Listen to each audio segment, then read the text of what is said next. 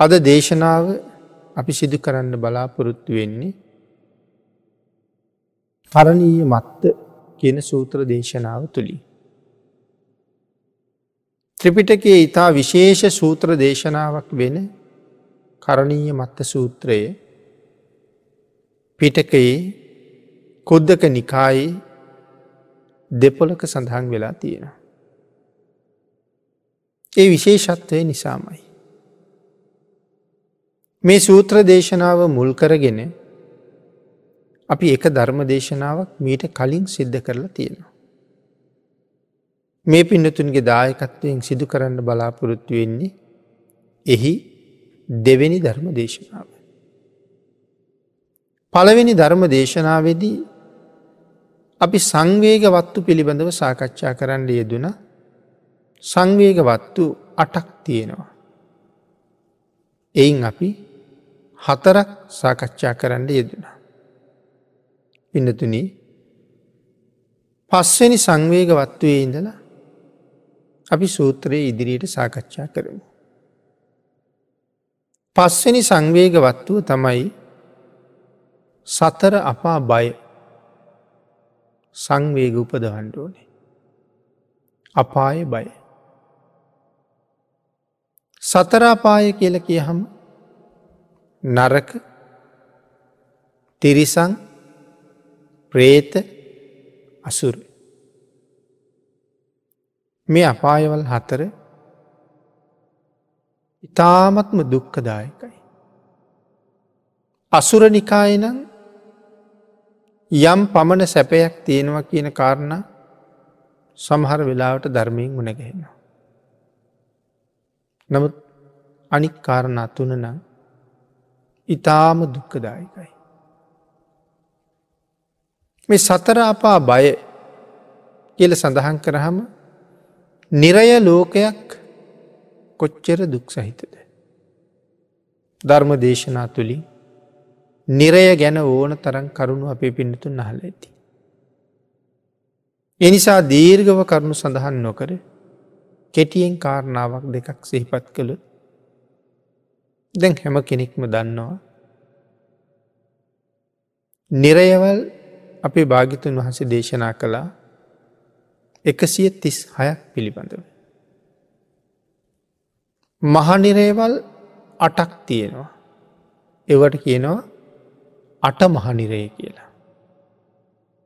එක මහනිරයක් වටේට පොඩිපොඩි නිරේවල් තියෙනවා දාසයක්. හතර පැත්තේ එක පැත්තක හතර හතර දාසයක් තියෙනවා. එතකොට මහනිරේවල් අට වටේටම එහෙම දාසේ දාසේ තියෙනවා. එතකොට දාසේවරක් අට එකසිය විසි අටක් වෙනවා. මහනිරේවල් අටයි එකසිය තිස්සායයි. එහෙම තමයි නිරේවල් එකසිය තිස්සයි හැදිලතියෙන්. අර පුංචි නිරයන්ට කියන ඔසුපත් නිරයන් කියලා. මහනිරයන්ගේ ආයුෂත් ඉතාම දිගයි. ඔසුපත් නිරයන්ගේ ආයුෂණ සමහරලාට මනුස්ස වර්ෂවලින් අවුරුදු ලක්සකට අඩු එව්වත් තියෙන. අවුරුදු හැටදාහ අවුරුදු අසූදාහ වගේ කාල පරාසන වලින් නිමා වෙලා තියෙනවා.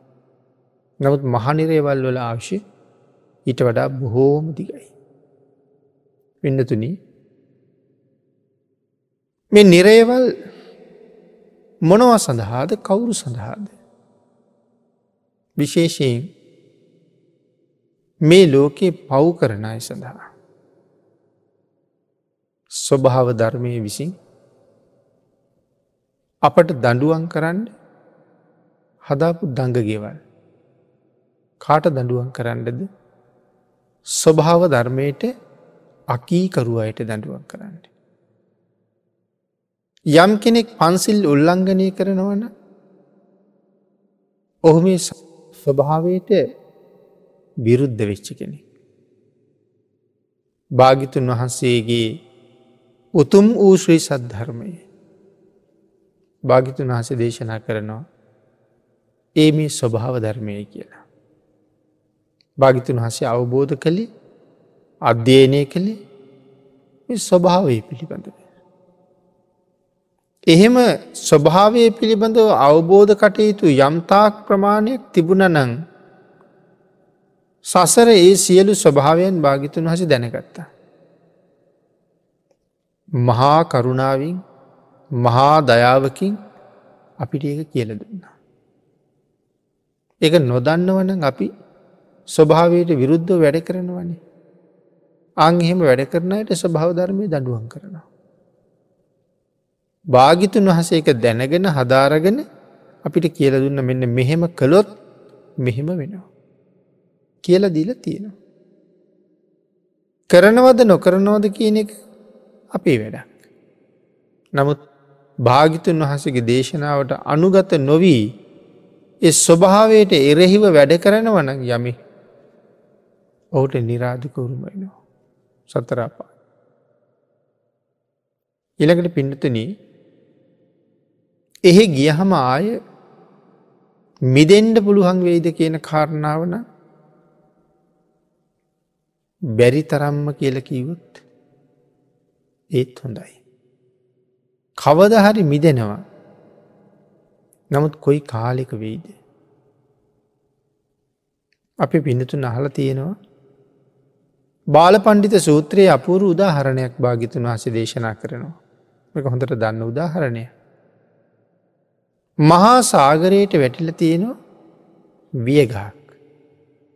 ඒක තියෙන්නේ එක සිදුරයි සාගරය කියල කියහම පිනතුන අපිට තේරුම් ගන්න බෑනි සාගරයේ කොච්චරද කියලා.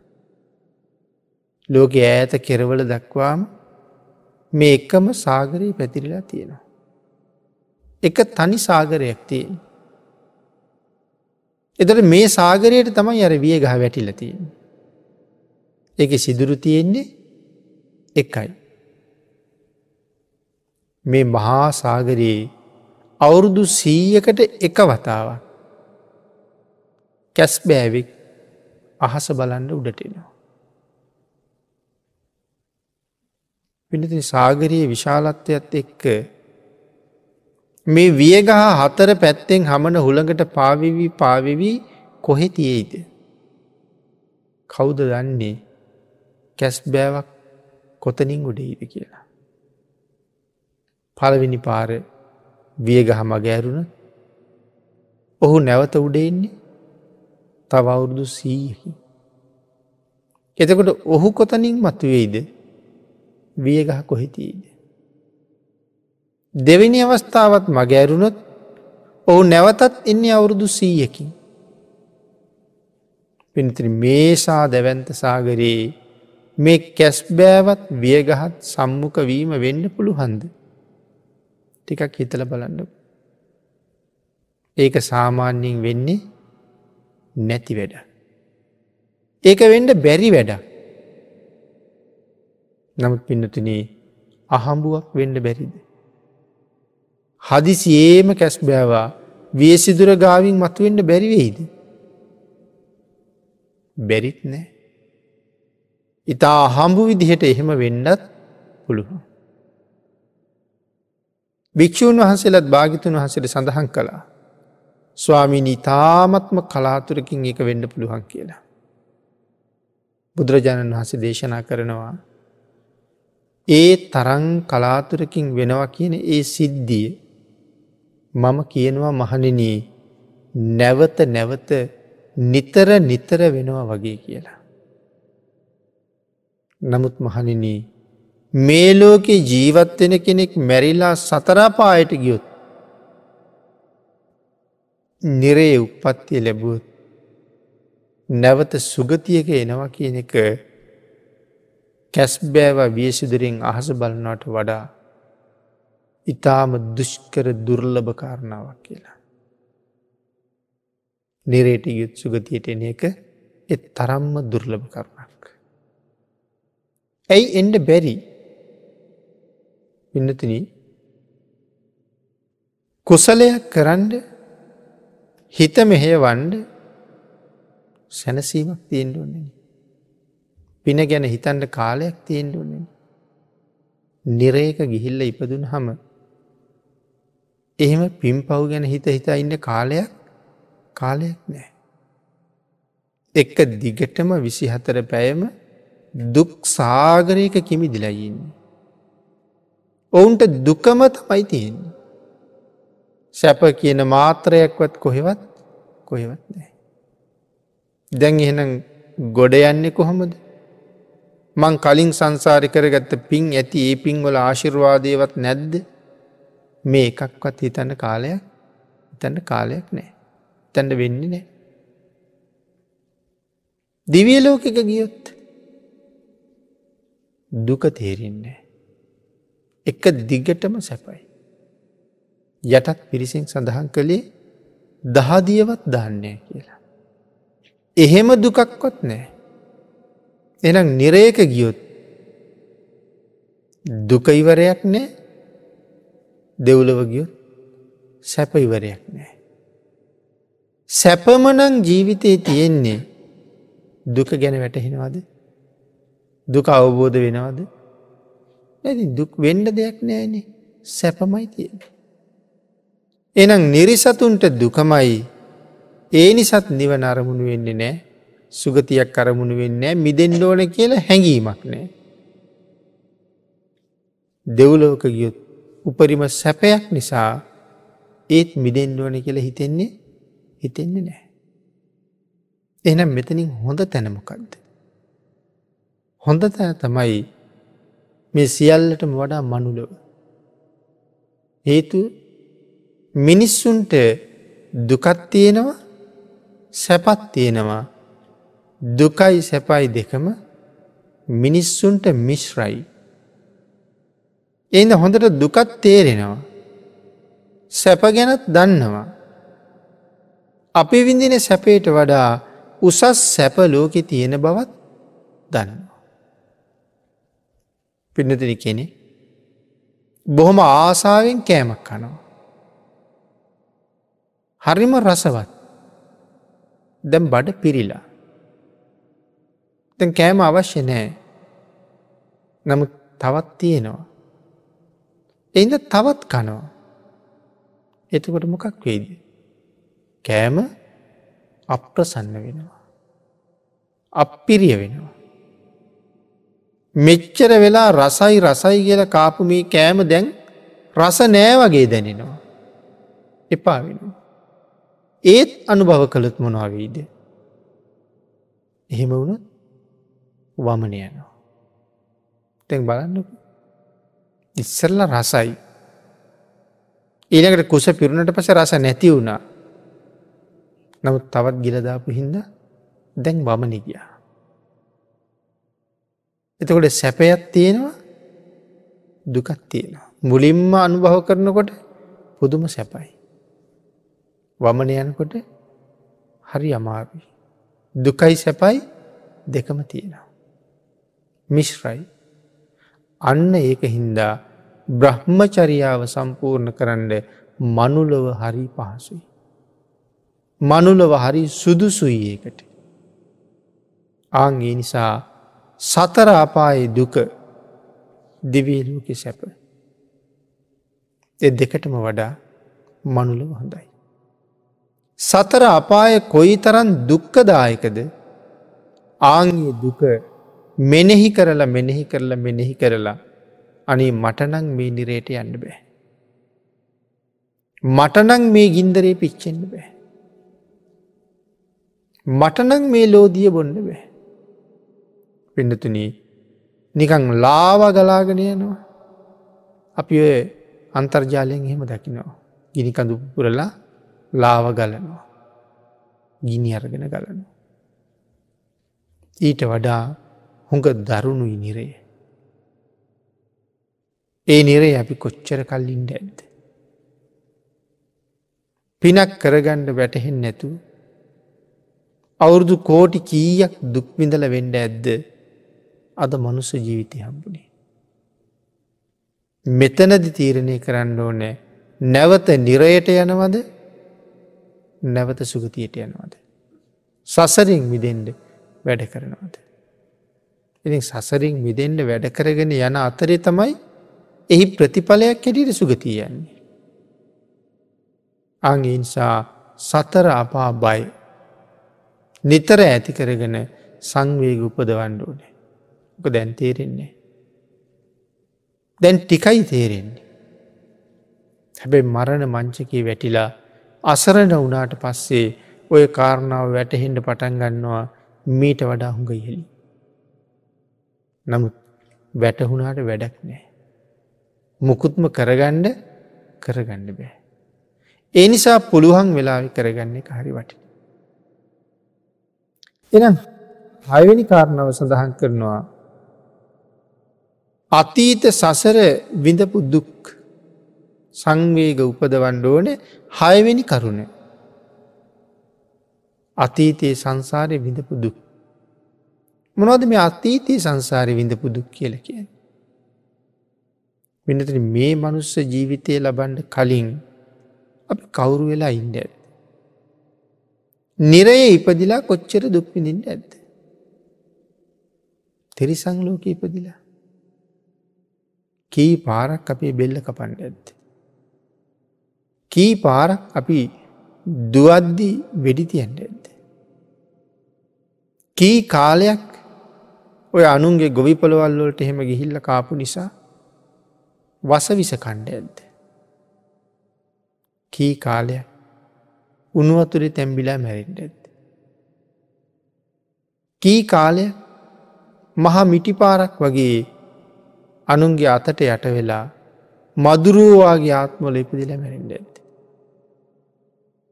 කූබිවාගේ කුඩා සත් වෙලා ඉපදිලා මිනිස්සුන්ට කාපු අරදට ඒ මිනිස්සුන්ගේ ඇගිල්ල බර ඇඟට වැටිලා ඇගිල්ලෙන් අතුල්ලලා රෝල් කරලා මරලදාපු අවස්ථා කොච්චර ඇත්ත. ඔබ මම එවන් ජීවිතවල ඕන තරන් හිටිය. අලියෝ ඇත්තු වෙලා මොන තරන් බරාදිට ඇත්ත. අදින්ට බැරි බර උස්සන්ඩ බැරි කොට උස්සලා තියෙනවා. උස්සන්ඩ බැරි දේවල් කොහොම දුස්සලා තියෙන. පින්නතුන අර හෙන්ඩුව කියල කෙන යකඩ උල කනගාවින් ඇනලා පස්සට අදිනකොට මසුත් එක්ක බැරි බරයිසෙනවා වේදනාව නිසා. බෙහෙතක් විදිනකොට අපිට දැනෙන වේදනාව. කටුවක් ඇනිල කටුවක් ගණ්ඩ තව කටුවකින් උත්සාහ දරනකොට අපට දැනෙන වේදනාව. ඇගිල්ලක්වාගේ ලොප් අර යකඩ උල කනගාවින් ඇනල පස්සට අදිනකොට කොහොම වේදනාවක් ඇද. එතකොට අර බර ඉස්සෙන් නැතිවේද. එතකොට උත්සනවා. කණ්ඩත් නෑ හරියට. ඔබ මම මේ සසර එහෙම කොච්චර දුක්විඳල ඇද්ද. අතීත සංසාර බය මතක් කරන්න කිවේක. හරකෙක් වෙලා ඉපදිල ගව මඩුවේ ගෙන හිල්ල බැඳල සහෝදර හරක් කපන දිහා බල බල බෙල්ල කනුවටම හිරකරගෙන කණ්ඩ බොන්ඩ නැතුව තමන්ගෙම අය මැරණ දිහා බලාගෙන කොච්චර සුසුම් හෙරල ඇද්ද. කොච්චර කඳුළු හලල ඇද්ද. ඒ අයට උදාවිච්ච ඉරනමම හෙට දවසය මට උදාවෙනවන්නේ එම හිත හිත මොන්න තරන් දුකක් විඳින්ට ඇත්ත. සමහර හරකුගේ ඔළුවට ගහන කුළුගෙඩි පාර දැකළ කොච්චර බයවෙන්ඩ ඇද්ද. මග ඔළුවටත් එහෙම ගහයි කියලා. කකුල් හතරම බැඳල පෙරලලා දිලිසෙන පිහියක් කරගෙන ඉල්ල බෙල්ල කපනකොට ඒක දිහා බලාගෙන ඉන්න සතාට කොහොම වේදනාවක් දුකක් දැනෙන්ට ඇත්ත. එතනින් ගලාගෙන ගිය පුල්ලේ සතර මහා මහා සාගර ජලයට වඩාවෙන්. ඒ හරක් ආත්මොල ඉපදිලා.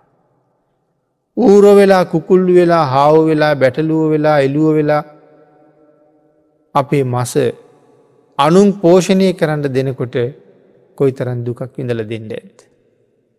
මාළු වෙලා ඉපදිලා කොච්චර දුක්කිින්ට ඇත්. මේ අතීත සංසාරය අපිට උරුම වෙච්ච දේවල්. අපිට බුක්ති විඳින්ට ලැබිච්ච දේවල් පිඳතුනේ වසංගත රෝග හැදිලා. අපේ ඇස් දෙක ඉස්සර අපිට අපේ අම්ම කොච්චර මැරිල ඇදේ සංසාරය. තාත්ත කොච්චර මැරිල ඇද්ද වසංගත රෝගෝලි. අපේ මූුණ දිහා බලාගෙන අත් දෙක උත්සගෙන ජීවිතය ඉල්ල ඉල්ල අපේම දරුවෝ වසංගත රෝගවලින් කොච්චර සසර මැරිල ඇද්ද. අපි බලාගෙන ඉන්නකොට සිංහයෝ කොටියෝ දිවියෝ අපේ ළමයි කොච්චර උත්සගෙන ගිහිල්ල ඇද්ද. උකුස්සවාගේ සත්තු කොච්චර ළමයි උත්සගෙන ගිහින් ඇද්ද. අපි බලාගෙන ඉන්නකොට අම්ම තාත්තා කී පාරක් වතුර ගහගෙන ගිහිල්ල ඇද. ඒ කෑගහපු හැටි යට ගිහිල්ල අත දික් කරලා පෙන්නපු හැටි අත උත්සපු හැටි මතක් වෙන්න මතක් වෙන්න ජීවිතය පිච්චෙනවාගේ දෑනවා. නමුත් මේ කියන දේවල් ඔක්කොම අපි අතීතය විඳල තියෙනවා. මේ දුක සමානම දුකක් අනාගතයේ විඳින්ඩත් තියෙනවා. අගේ නිසා හත්වෙනි කාරණාව අනාගත සසර බය. අතීත සසර බයක් අර විදිහට තිබිල තියෙනවා අනාගත සසර බයත් ඒ විදිහටම ඉස්සරහට තියෙනවා. අනාගත සසර බයෙන් විදෙන්ඩ ඕනෙනම් යම් අදාදම මේ ජීවිතයෙන් මිදෙන්ඩ උත්සාහ කරන්න ඕනේ. මේ ජීවිතෙන් කිය හම මේ ජීවිතයෙන් උත්සාහ කරන්න ඕන සසරින් මිදින්ට. එතකොට අනාගත බය පිළිබඳව අපිට බයක් ඇති වෙන්නේ නෑ. අවසාන කාරණාව දේශනා කළා වත්මන් ආහාර පරියේෂණ දුක එකන මේ කාලේ ආහාර හොයාගණ්ඩ කොච්චර දුක් විඳින්ට නැද. ආහාරනං සුල බයි. අපිට තියෙනවා නමුත් කෑම වේලක් නැතුව දුක්විදිනය කොච්චර ඉන්නවාද. වතුර බෝතලයක් නැතුව දුක්විදිනය කොච්චර ඉන්නවාද. නිමක් නැති දරන්ඩ බැරි බඩගින්නක් නිසා අනුම් කාලදාපු ඉඳුල්ටික ඇදල හොයලා අරගෙන සුනකයෝ යම්සේ කුණු බාල්දි පෙරල පෙරල කනවද. එසේ අනුභව කරන මිනිස්සු මේ සමාජයේ කොච්චර ඉන්නවද. එන ඒ ආහාර පරීක්ෂණය දුකනේද. ආහාර නැති නිසා තියෙන දුක. මෙතන ආහාර පර්යේෂණය දුක කියල සඳහන් කරාම ආහාර ටික හොයන්ඩ අපි කොච්චර දුක්විඳල තියෙනවාද. උදේ ඉදල රෑවෙනකං හේන්නේ. උදේ ඉදල රෑවෙනකං කුඹුරි අව්වෙ පූටකී පිච්චි පිච්චි. උල් මුල් කටු ඇනගෙන මොන තරන්නන් දුක්කිින්දිනවාද. ආහාරටික හොයන්. කෙනෙක් ඉගෙනගෙන රස්සාාවක් අරගෙන රැකියාවට යනවා. උදේ පාන්දරනැකිල්ලා පිටත් වෙනවා රැයිං රෑවෙලා එනවා. පහුව දෞදිත් නැකිල්ලා පිටත් වෙනවා පහුවදත් රෑවෙලා එනවා. මොකටද මේ වැඩ කරන්න. දරුව ඇසුරු කරන්න ලැබුණද. දරුව හුරතල් කරන්න ලැබුණද. දරුව එක සෙල්ලං කරන්න ලැබුණද. බිරිඳ එක්ක ස්වාමියත් එක සතුටින් කතා බහ කරලා ඉන්ඩ අවස්ථාව ලැබුණි කොච්චර කාලයක්ද. නමුත් මේ තරං දුක් බිඳවිඳ මේ කරන හැම එකේම ප්‍රතිඵලයමකක්ද. මොකරද මේ මහන්සි වෙන්නේ. අන්තිමට හොයාගෙන හොයාගෙන ගිහිල්ල බලහම කෑම සඳහා. කෑමට අවශ්‍ය දේවල් ගැනීම සඳහා. අංක එක එනම් මේ ආහාර වේල හොයන්ට කොච්චර දුක්විඳිනවාද. සමහරිව දුකක් කියල තේරෙන්නෙත් නෑ. ඒ අපිට ප්‍රඥාව මදිහිද. එනම් ආහාර පරීක්ෂණය දුක. ආං ඒ දේවල් නිතර නිතර හිතන්න කියල දේශනා කළ. එනතුරි මේ කාලෙ මොනවහරි කරලා ආහාර හොයෙනවා. දුර්භික්ෂයක් එහෙමාව. කන්න කීපයක් පැහුන් නැත්තා. ළමයි බඩිගින්න අඩනකොට මොනෝද දෙන්න කියලා හිතල බලන්ට. අපිට බඩිගිනි දැනෙනකොට අම්ම තාත්ත සාපි පාසාාවෙන් ඉන්නවා කියලා ආරංචි වෙනකොට මොනවද ගෙන ඉල්ල දෙන්නේ. ඔක්කොටම නෑ නමුත් හදවත පිච්චෙන දුකක් තියෙනවා. ආහාර හොයන්ඩ ගියපු නිසා. ඒ ආහාර පර්යේෂණය කොයි තරන් දුකයිද. එද සංසාරය එහෙම දේවල්ලට කවදාවත් මුණ නොගැහෙන්ට මූුණ නොපාන්්ඩ. ලැබිච්ච උතුම් මනුස්ස ජීවිතයෙන් මේ ශ්‍රේෂ්ඨ බුද්ධාන්තරයේ පවතින වෙලාවේ. එයින් ප්‍රයෝජනයක් කරගණ්ඩ ප්‍රඥාවන්තය උත්සාහ දරනවා. භාගිතුන් වහන්සේ මේ සංවේගවත්තුවට පන්සීයක් වූ භික්‍ෂූන් වහසලට දේශනා කළේ සංවේග උපදවා ගණ්ඩුව නිසා. උනන්දු ඇති කරවන්න ඕන නිසා. ඉක්මං කරවන්න ඕන නිසා. අප්‍රමාදී පුද්ගලය බවට පත් කරවන්න ඕන නිසා. මොකටදී සසරින් මිදෙන්ඩ අප්‍රමාදී බව ඇතිකර ගණ්ඩ සංවේග උපදවණ්ඩයි මේ සංවේග කරුණු අට භගිතුන් හස දේශනා කොට වදාලි. මේ කාරණා අට පැහැදිලි කරලා තමයි අර භික්‍ෂූන් වහසල පන්සියට කරණීය මත්ත සූත්‍රයේ දේශනා කරලා නැවත හිටපු තැනටම පිටත් කරන්නේ. එමන පිඩතුන අප්‍රමාදය කොයි තරම් වටිනවද කියලා අපි මුල් දේශනාවත් සාකච්ඡා කළා. අපි ඊළඟට බලමු කරණීය මත්ත සූත්‍රයෙන් භාගිතුන් වහස මොනවද මේ භික්‍ෂූන් වහසලට දේශනා කරලා තියෙන කියලා. ගිහි පැවිදි දෙපාර්ශවයටම ඉතාම වටින සූත්‍ර දේශනාව. ගිහි අයගේ වශයනුත් පැවිදි අයගේ වශයනුත් මේ සූත්‍රයේ කරුණු දක්වලා තියෙනවා. අපි වෙන වෙනම සාකච්ඡා කරමු ගිහි අය වෙනුවෙන් මොනවද දක්වලා තියෙන කරුණු පැවිදි අය වෙනුවෙන් මොනවත් දක්වලා තියෙන කරුණු කියලා. එනම් සූත්‍රයේ පටන්ගන්න හැටි. කරණීය මත්ත කුසලේන කරණීය මෙත්ත කුසලේන නෙමේ. කරණීය මත්ත කුසලේන. කරණීය මෙත්ත සූත්‍රයේ නෙමෙයි කරණීය මත්ත සූත්‍රයේ. පිනතන මේ කරණීය කියන වචනය තේරුම තමයි යම් කිසි දෙයක් කිරීමෙන් තමන්ට දියුණුවක් ඇති වෙනව නං අන්න එය කිරීම කරණීය කියල කියනවා. යම් දෙයක් කිරීමෙන් තමන්ට ලැබෙන්නේ දියුණුවක් නම් ඒක කරන්න කියල සඳහන් කළා. ඒක කිරීම කරණීයයි කියලා දේශනා කළා. ඊළඟට මත්ත කියල තියෙන්නේ මෙලොව හා පරලොව දියුණුව සඳහා කරන දේවල්. මෙලොව පරලොව දියුණුව සඳහා කරන දේවල් මත්ත කියල සඳහන් කරලා තියෙනවා. එනම් කරණීය මත්ත. මෙලොව පරලොව දියුණුව සඳහා කළ යුතු කරුණු කාරණා දක්වලා තියෙනවා. යන්තන් සන්තම් පදන් අභි සමිච්චය. මොකදද මේ සඳහන් කරන්නේ. යම් නිර්වාණයක් තියෙනව නං ඒ නිර්වාණය අවබෝධ කර ගැනීම සඳහා කළ යුත්ත කුමක්ද කියන එක මේ සූත්‍රයේදී තිලවගුරු බුදුරජාණන් වහන්සේ දේශනා කරලා තියෙනවා. ඊළඟට පින්නතුන මොනවද මෙතන මේ සක්කෝ කියල කියන්නේ. සක්කෝ උජූච සූජූච සක්කෝ මේ සක්කෝ කියල කියන්නේ සමත් කෙනෙක් වෙන්ඩෝනේ. එහෙම නැත්තං දක්ෂයෙක් වෙන්ඩෝනේ. සමතෙක් වෙන්ඩෝනේ දක්ෂයෙක් වෙන්ඩෝනේ. මොනෝ පිළිබඳුව සමතෙක්ද. නිවන් දකින වැඩ පිළිවෙල පිළිබඳව දක්ෂයෙක් වෙන්ඩෝනේ. අපි මේ කරුණු මිට වඩා විස්තරාත්මකව සාකච්ඡා කරන්න ඕනේ.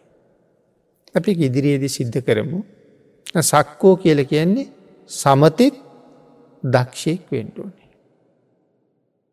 එළඟට උජූච උජූච කියල කියන්නේ වංක එම නැත්තම් තමන්තුද තියෙන ඇද ගති නැති කරගණ්ඩෝනේ. වංකයෙක් නොවී අවංක පුද්ගලයෙක් බවට පත්තෙන්ඩෝනේ. ඇද ගති කියලගෙන දුර්ගුණ තමන් තුළ තියෙන දුර්ගුණ නැති කරගණ්ඩෝනේ. උජූච. ඊළඟට සඳහන් කලා සූජූච කියලා. මනාව රිජුවෙන්ඩෝනේ පිඩතුන මෙතන සඳහන් කළේ මනාව රිජුවෙන්ඩෝන කියලා. සඳහන් කරනවා සාමාන්‍යයෙන් කෙනෙක් තමන්ගේ වැරදි හදාගෙන නිවැරදි වෙනවා කියන කාරණාවට නෙමෙයි මෙතන රිජුවෙන්ඩෝන කියල කියන්නේ.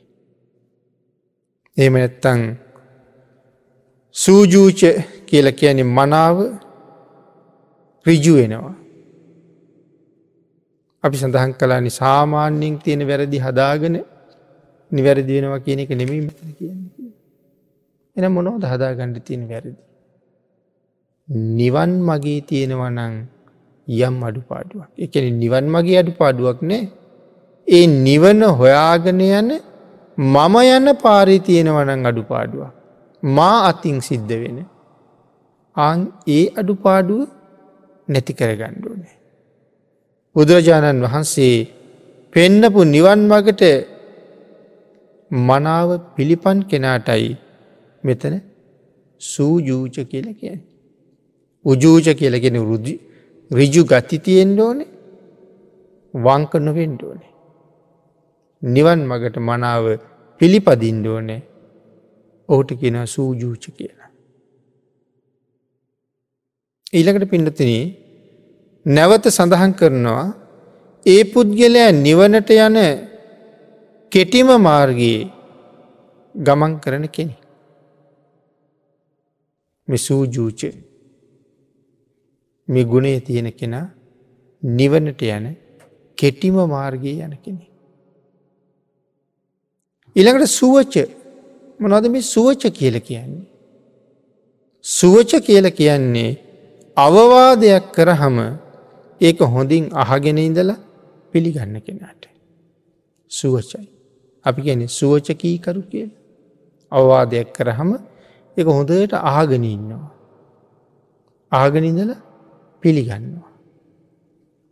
හැමෝම අවවාද පිළිගන්නවාද හැමෝම අවවාද පිළිගන්නේ නෑ. සමහර කෙනෙකුට අවවාදයක් කරහම තමන් වැරද්ද කළේ නෑ වගේ බේරෙන්ඩ එයා වචන ගණනාවක් කියනවා. හේතු කාරණා කීපයක් ඉදිරිපත් කරනවා. එහෙම අයට අවවාද කරන්න එපා කෙල්තියෙන්. සමහරය අවවාදයක් කරහම අවවාදය කරන කෙනාව හොඳටම වෙහෙසෙනවා. කොහොමද වෙහෙසන්නේ. මොනවකීවත් කතා කරන්න ඇතු ඉන්න. මොනව ඇහුවත් උත්තර දෙන්නෙත් නෑ. මොනව කීවත් කතා කරන්නෙත් නෑ. ඔහු මේක පිළිගත් අද නොපිළිගත් හද ඔහුට තේරුණාද නොතේරුණාද කිය අපි දන්නේ. ඇති තොට අවවාද කරන කෙනා වෙහෙසෙනවා. අං එහෙමයට අවවාද දෙන්න එපා කියලගිය. එනම් සුවච කියලකී අවවාදයක් කරනකොට එක හොඳින් අහගනින්දල පිළිගන්න කෙනා. එහෙමයි ස්වාමී. තමන්ගේ වැරදි දකිනවා කියන එක ලෝකෙ හරි අමාරු වැඩ. නමුත් ඒ තමන්ට දකින්න එක මගේ වැරදි මම දකිනවා කියන එක අමාරු වැඩ. හැබැයි ඔබේ වැරදි ඕන තරන් මට පේනවා. ඔබේ වැරදි ඔබම දකිනවා කියන එක සාමාන්‍යයෙන් නොවෙන තරන් වැඩ වැරදි තියෙන හුඟ නමුත් මං වැරදිී කියල හිතන්ට කවුරුවත් නිහතමානී නෑ. හැබැයි ළඟ ගෙවල්ලොලායි. තවත් නොයෙක් දේවල් අයගේ අඩු පාඩුනම් ඕන තරන් කතා කරනවා. ඒමන පිනතුන ඒකයි මෙතන සඳහන් කරන තමන්ගේ වැරදි තමන්ට දකිින්ට හරි අමාරුයි. නමුත් ස්වාමීනී මගේ වරදක් දැක්ක තැන. දෙපාරක් නොහිත මට ඒක කියල දෙන්න. මෙතම අවවාදී පිළිගන්න පුද්ගලයා. සුවච පුද්ගලයාගේ හැටි. ඊළකට මෘදු කියල කියන්නේ මෘදු බව සෞම්‍ය භාවය ඇති පුද්ගලයා. ඉළකට තියෙන පිනතින අනතිමානී මොකද මේ අනතිමානී කියල කියන්නේ. අනතිමානී කියල කියන්නේ මානය අඩු කීකරු පුද්ගලයෙක්. මොකද මේ මානය කියල කෙනෙතකොට. මානය කැන මිම්මක් මැනීමක් මොනවද මැනල තියෙන්නේ. ධනය නිසා මානය ඇතිවෙනවා. සීලේ නිසා මානය ඇතිවෙනවා. දේපල නිසා මානය ඇතිවෙනවා. රුවලස්සන නිසා මානය ඇතිවෙනවා. ඇඟපත මහත බව නිසා ප්‍රියමනාපනන් දැකුම් කළුනන් ඒ සම්බන්ධයෙන් මානය ඇතිවෙනවා. මැනීමක් තියෙනවා. මම උසස් අරායේ තරම් උසස්නෑ. මම හොඳට සිල් රකින කෙනෙක් ඔය කවුරුවත් මන්තරන් සිල් රකින අය නෙමෙයි. තැන් තමන් පිළිබඳව මැනීමක් තියෙනවනි. මම සිල්වත් කියල මැනීමක් තියෙනවා. මම ලස්සනයි ආයත්මානයක් තියෙන. මැනගෙන තියෙන මං අනික් අයට වඩා ලස්සනයි කියලා. මේ මේ මානයේ එක තමයි අනතිමානී කියල කෙනෙ ඒ මානයේ නැති බව. නිවන් මගට හරි වටිනවා. ඊළඟට පිඩතින මෙතන විස්තර කරනවා මේ කරණීය සහ අකරණීය ධර්ම මොනවාද කියලා. කරණීය ධර්ම හැටියට පිනතින මෙතන හඳුන්වන්නේ මොනවද කියලා සඳහන් කරනවා කරණීය ධර්ම කියල කියන්නේ සිල් සම්බන්ධයෙන් තමන්ගේ ඇති දුරුවලකං සිල් සම්බන්ධයෙන් තියෙන දුරුවලකංවලට මොනවද කියන්නේ? සීල විපත්ති. තමන්ගේ සිල් විපතට පත්වෙනවා සිල් සම්බන්ධයෙන් තියෙන සීල විපත්. ආචාර ගෝචර බව ඊළඟට සඳහන් කරනවා ආචාර විපත්. යමෙක් ආචාර ගෝචර බව යමෙක් තුළ නැත්තන් ආචාර විපත්ති. ඊළකට තියෙනවා මෙතන දිට්ටි විපත්ති. සම්මා දිට්ටියේ ඇති අඩු පාඩුකං දිට්ටි විපත්ති. පිනතින ඉනකට ආජීව විපත්ති ජීවත්වීම සඳහා කරන වැඩ ආජීව විපත්ති. මෙන්න මේවට කියනවා අකරණීය ධර්ම කරණීය ධර්ම සහ අකරණීය ධර්ම. එතට අපි මේ සඳහන් කරපු දේවල් අකරණීය ධර්ම.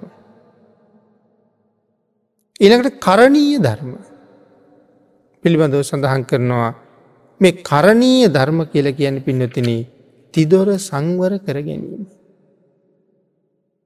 කොයි විදිහටද තිදොර සංවර කර ගැනීම කියල කියන්නේ.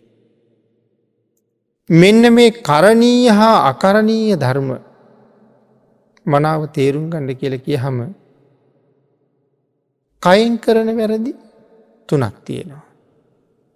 හිතින් කරන වැරදිත් තුනක් තියෙනවා. වචනයෙන් කරන වැරදි හතරක් තියෙනවා. යමෙක් මේ හතරින් වලකිනවනන් ඔහු දසාකුසලයෙන් වැලකිලයි. දසාකුසලයෙන් වැලකුණානං ඔහු ප්‍රඥ්ඥාවෙන් යුක්තව දස කුසල කර්ම පත ගනී පිහිටවන්න පුළුවන් හිත. තිදොරින් කරන වැරදිවලට කියන්නේ දස අකුසල් කියලා. ඒ වැරදි නොකරනවන තිදරින් කරන යහපත් කටයුතුවලට කියන්නේ දස කුසල් කියලා. එන කරණීය ධර්ම දස අකුසලයෙන් ඇත්වෙලා දස කුසලෙහි පිහිටෙනවා.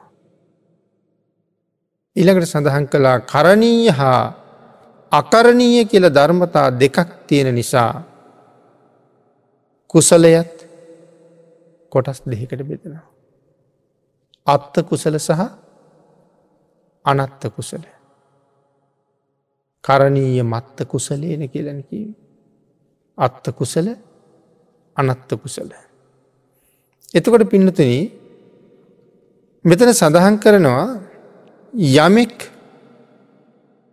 යමක් කරනකොට එයින් තමන්ට ලැබෙන්නේ දියුණුවක් නම්.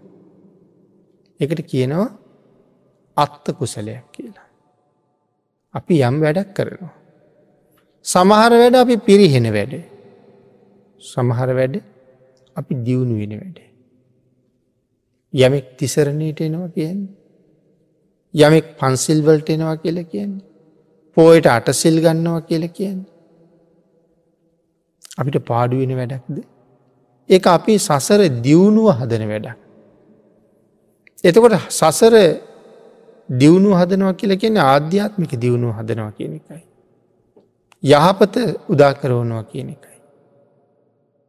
අන්න ඒවට කියනවා අත්ත කුසලයි කියලා. ඊළඟට යම් ප්‍රතිපදාවක් තුළින් තමන් පිරිහෙනවනං එකට කියනවා අනත්ත කුසල යමක් කිරීමෙන් තමන් සතර අපාය පැත්තට නං හැරෙන්නේ. ගමන් කරන්නේ සතර අපාය දිහාට එක තමන්ට අනර්ථයක් නං වෙන්නේ එකට කියනවා අනත්ත කුසල කියලා. මේ නිවන් මගේ පිනතන අපි යහපත් විදිහට පින් කරන තාක්කල් අපි නිවන පැත්තට යනවා.